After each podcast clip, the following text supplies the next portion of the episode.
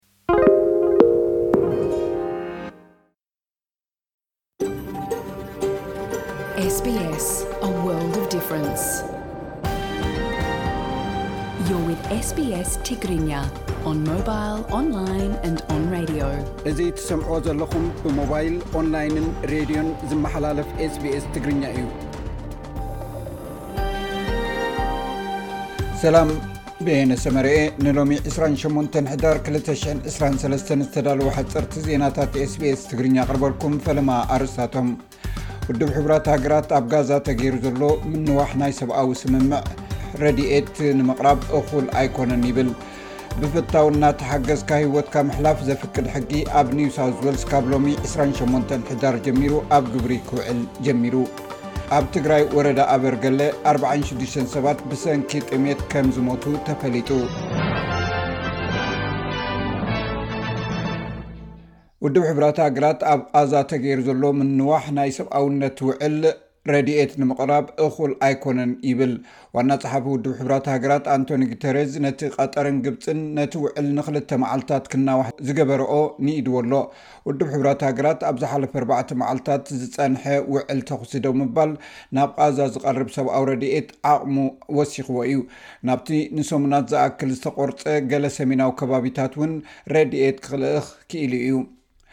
መንግስቲ ኣውስትራልያ ነቲ ኣብዚ ወርሒ'ዚ ኣብ መላእ ሃገር ኣብ ዝርከብ ናይ መርበብ መራኸቢታት ኦፕተስ ምቍራጹ ዝምርምር ኣካል ዝምርሓሎምን ዝምርምርዎ ዝርዝራትን ኣውጺኡ። ሚኒስተር ርክባት ሚሸል ረውላንድ ነዚ መርመራ ዝገብር ኣካል ብናይ ቅድም ምክትል ኣቦ ወንበር ናይ ኣውስትራልያ መራኸቢታትን መራኸቢ ብዙሓንን ሪቻርድ በን ዝምራሕ እዩ ኢላ። መንግስቲ ኢንዳስትርን ማሕበረሰብን ካብቲ ምቁራጽ ናይ ቴሌፎናትን ኢንተርነታትን ኦፕተስ እንታይ ክመሃሩ ከም ዝኽእሉ ክግምገም እዩ ኢላ። ሰበስልጣን መንግስቲ ዓባይ ብሪጣንያ ኣብ ሓሰማታት ዝዝርጋሕ ዘሎ ቫይረስ ዝመሳሰል ሰዓል ንመጀመርታ ኣብ ሓደ ሰብ ረኺቦም። ወኪል ሓለዋ ጥዕና ዓዲ እንግሊዝ UKHSA ከምዝገልጾ እቲ ሕማም ዝተፈልጠ ከም ኣካል እቲ ልሙድ ብደረጃ ሃገር ዝግበር ክትትል ሰዓል ከምተረኽበን ምንጪ ናይቲ ረኽሲ ግን ፍሉጥ ኣይኮነን። እቲ ትካል ኣብ ሰሜናዊ እንግሊዝ ኣብ ዝርከብ ሰሜን ዮርክሻየር ሰበ ስልጣን ጥቡቕ ክትትል ይገብሩ ምህላዎም ገሊጹ ኣብቲ ከባቢ ኣብ ዝርከብ ናይ መጥባሕቲ ቦታታትን ሆስፒታላትን ድማ ተወሰኽቲ ክትትል ይግበር ምህላው እውን ሓቢሩ ኣብ ህንዲ ዝርከቡ ሰበ ስልጣን ኣብ ጥቓ ሂማልያ ኣብ ዝርከብ ጋሌርያ ዝተቐርቂሮም ዘለዉ ኣርባዓን ሓደን ሰራሕተኛታት ህንፀት ንምውፃእ ናብቲ ዘለዎ ሕማቕ ኩነታት ኣየር ከምዘይኣቱ ገሊጾም።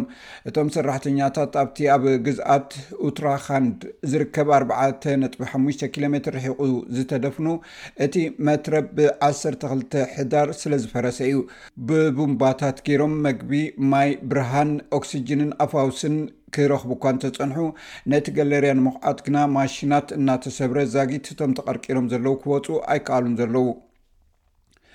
ብፍታው እናተሓገዝካ ህይወትካ ምሕላፍ ዘፍቅድ ሕጊ ኣብ ኒው ሳውዝ ዌልስ ካብ ሎሚ 28 ሕዳር ጀሚሩ ኣብ ግብሪ ክውዕል እዩ ኣብተን ቀዳሞት 12 ኣዋርሕ ካብ 600 ክሳዕ 900 ዝኾኑ ዘይምሕር ሕማም ዝሓመሙ ሰባት ነዚ ምርጫ እዚ ክጥቀመሉ ትፅቢት ይግበረሎም ተጣበቕቲ ነዚ ብፍታው ሂወትካ ምሕላፍ ዜና ብሓጎስ ተቐቢሎም ኣለዉ ዋና ኣካየዲ ስራሕ ናይ ኒው ሳውዝ ዌልስ ሻይን ሂግሰን እዚ ተዋሂቡ ዘሎ ስልጣን ንብዙሓት ሰባትን ስድራ ቤታትን ከም ዘጸናንዕ ገሊጹ ኣሎ።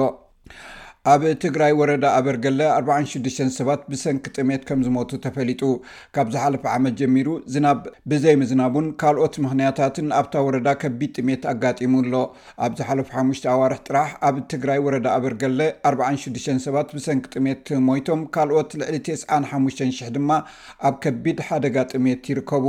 ብመሰረት ምምሕዳር እቲ ወረዳ ካብ ዝሓለፈ ዓመት ኣትሒዙ ብሰንኪ ሕፅረት ዝናብን ካልኦት ምኽንያታትን ኣብታ ወረዳ ከቢድ ጥሜት ከምዘጋጠመ ዝፍለጥ ኮይኑ ካብ ሓምለ ጀሚሩ ካብ ዝሓለፉ ሓሙሽተ ኣዋርሕ ኣብ ትግራይ ወረዳ ኣበርገለ ብሰንኪ ጥሜት ኣርብዓን ሽዱሽተን እዮም ሞይቶም።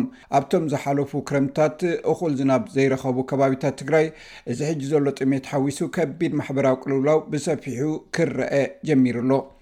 ኣብ መወዳእታ ኣብ ታይላንድ ሓደ መርዓዊ ኣብ መዓልቲ መርዕኡ ንመርዓቱን ኣባላት ስድራ ቤቱን ቀቲሉ።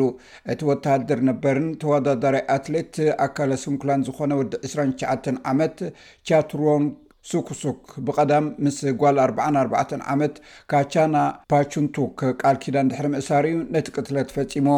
ንሱ ድሕሪ'ቲ መርዓ ንደገ ወጺኡ ብረት ሒዙ ብምምላስ ንመርዓቱ፣ ጓል ስሳን ክልተን ዓመት ኣዲኣን ጓል ሰላሳን ሸሞንተን ሓብታን ተኲሱ ቀቲልወን። ካብቶም ዕዱማት'ውን ሓደ ሰብ ተቐቲሉ ኣሎ። ባር ሰማዕትና ናይ ሎሚ ዜና ቅድሚ ምዛሙ ኣርእስታት ዜና ክደግመልኩም። ውድብ ሕቡራት ሃገራት ኣብ ቓዛ ተገይሩ ዘሎ ምንዋሕ ናይ ሰብኣውነት ስምምዕ ረድኤት ንምቕራብ እኹል ኣይኮነን ኢሉ ብፍታው እናተሓገዝካ ህይወትካ ምሕላፍ ዘፍቅድ ሕጊ ኣብ ኒው ሳውት ዌልስ ካብ ሎሚ 28 ሕዳር ጀሚሩ ኣብ ግብሪ ውዒሉ ኣብ ትግራይ ወረዳ ኣበርገለ 46 ሰባት ብሰንኪ ጥሜት ከም ዝሞቱ ተፈሊጡ እዚ ሬድዮ ስቤስ ብቋንቋ ትግርኛ ዝፍኖ መደብ እዩ